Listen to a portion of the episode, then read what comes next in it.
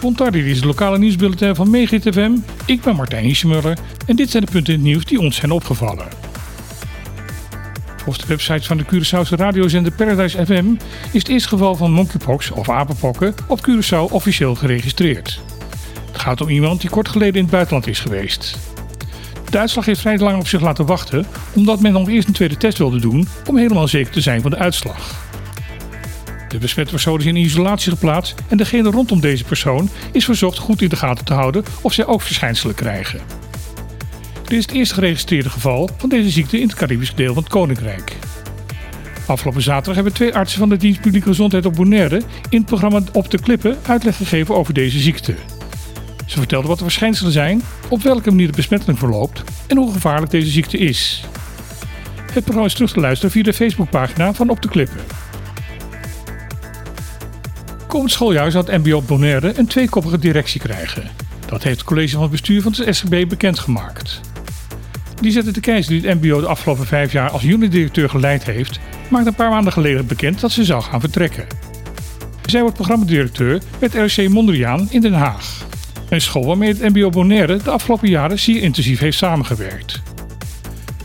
Nu maakt het college van bestuur van het SGB bekend dat het toch iets anders zal gaan en dat de keizer in elk geval het komende schooljaar nog nauw bij het MBO op Bonaire betrokken zal blijven. Naast de keizer zal er nu nog een tweede directielid aangesteld worden, Lianne Dam. Geen onbekende binnen het onderwijs in Bonaire. Dam heeft de afgelopen 12 jaar gewerkt als teamleider bij Federation Forma en als medewerker onderwijs en kwaliteitszorg bij het MBO Bonaire. Dam en de keizer zullen de directiefunctie gezamenlijk gaan uitvoeren. Dan vier dagen en de keizer twee dagen per week. De keizer zal dat voornamelijk op afstand doen, maar vliegt wel elke twee maanden naar Bonaire om contact met de werkvloer te kunnen houden. De twee directeuren hebben een hoop vertrouwen in deze constructie en geven aan dat ze met veel ambitie het komende schooljaar in zullen gaan. Na twee maanden uitstel is gisteren toch de Mediaweek best van start gegaan. In het Plaza Resort Bonaire werden de stakeholders rondom de media ingelicht over het resultaat van een onderzoek dat vorig jaar onder de leden van de media in de BES is uitgevoerd. Dit onderzoek werd in opdracht van het ministerie van OCW en het commissariaat van de media uitgevoerd door Request Consultancy. Onderzoeker Renske Pin maakte ook een aantal aanbevelingen bekend die uit het onderzoek zijn voortgekomen. Een van die aanbevelingen is om geen publieke omroep in de Caribisch Nederland op te zetten. Het onderzoek maakt duidelijk dat dit niet gewenst is, omdat het de diversiteit aan media op de verschillende eilanden in gevaar zal brengen. Wel wordt het opzetten van een zogenaamde Associated Press aanbevolen. Dit zou een samenwerkingsverband kunnen zijn van journalisten over alle zesde eilanden binnen het Caribisch deel van het Koninkrijk, waardoor het makkelijker wordt om kennis, ervaring en nieuws met elkaar te delen. Donderdag wordt de Mediaweek vervolgd met een dookje en discussieavond. Daarbij is iedereen die belangstelling heeft voor de journalistiek uitgenodigd om mee te komen praten over de toekomst van de media op de BES.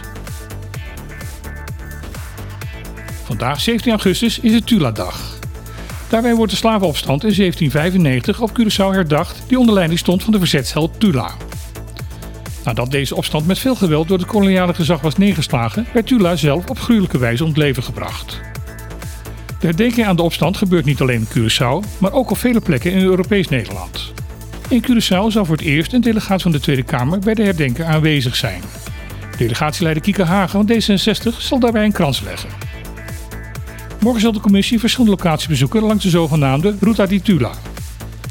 De Kamercommissie is op Curaçao om het herdenkingsjaar 2023 voor te bereiden. Dan is het namelijk 150 jaar geleden dat in 1873 de tot slaafgemaakten op Curaçao daadwerkelijk vrij werden. Na het bezoek aan Curaçao zal de commissie ook Bonaire aandoen, om ook hier te praten over het herdenkingsjaar. Dit was weer het lokale nieuws van vandaag. De nieuwsredactie van Megahit FM wens u nog een hele fijne dag en heel graag tot morgen.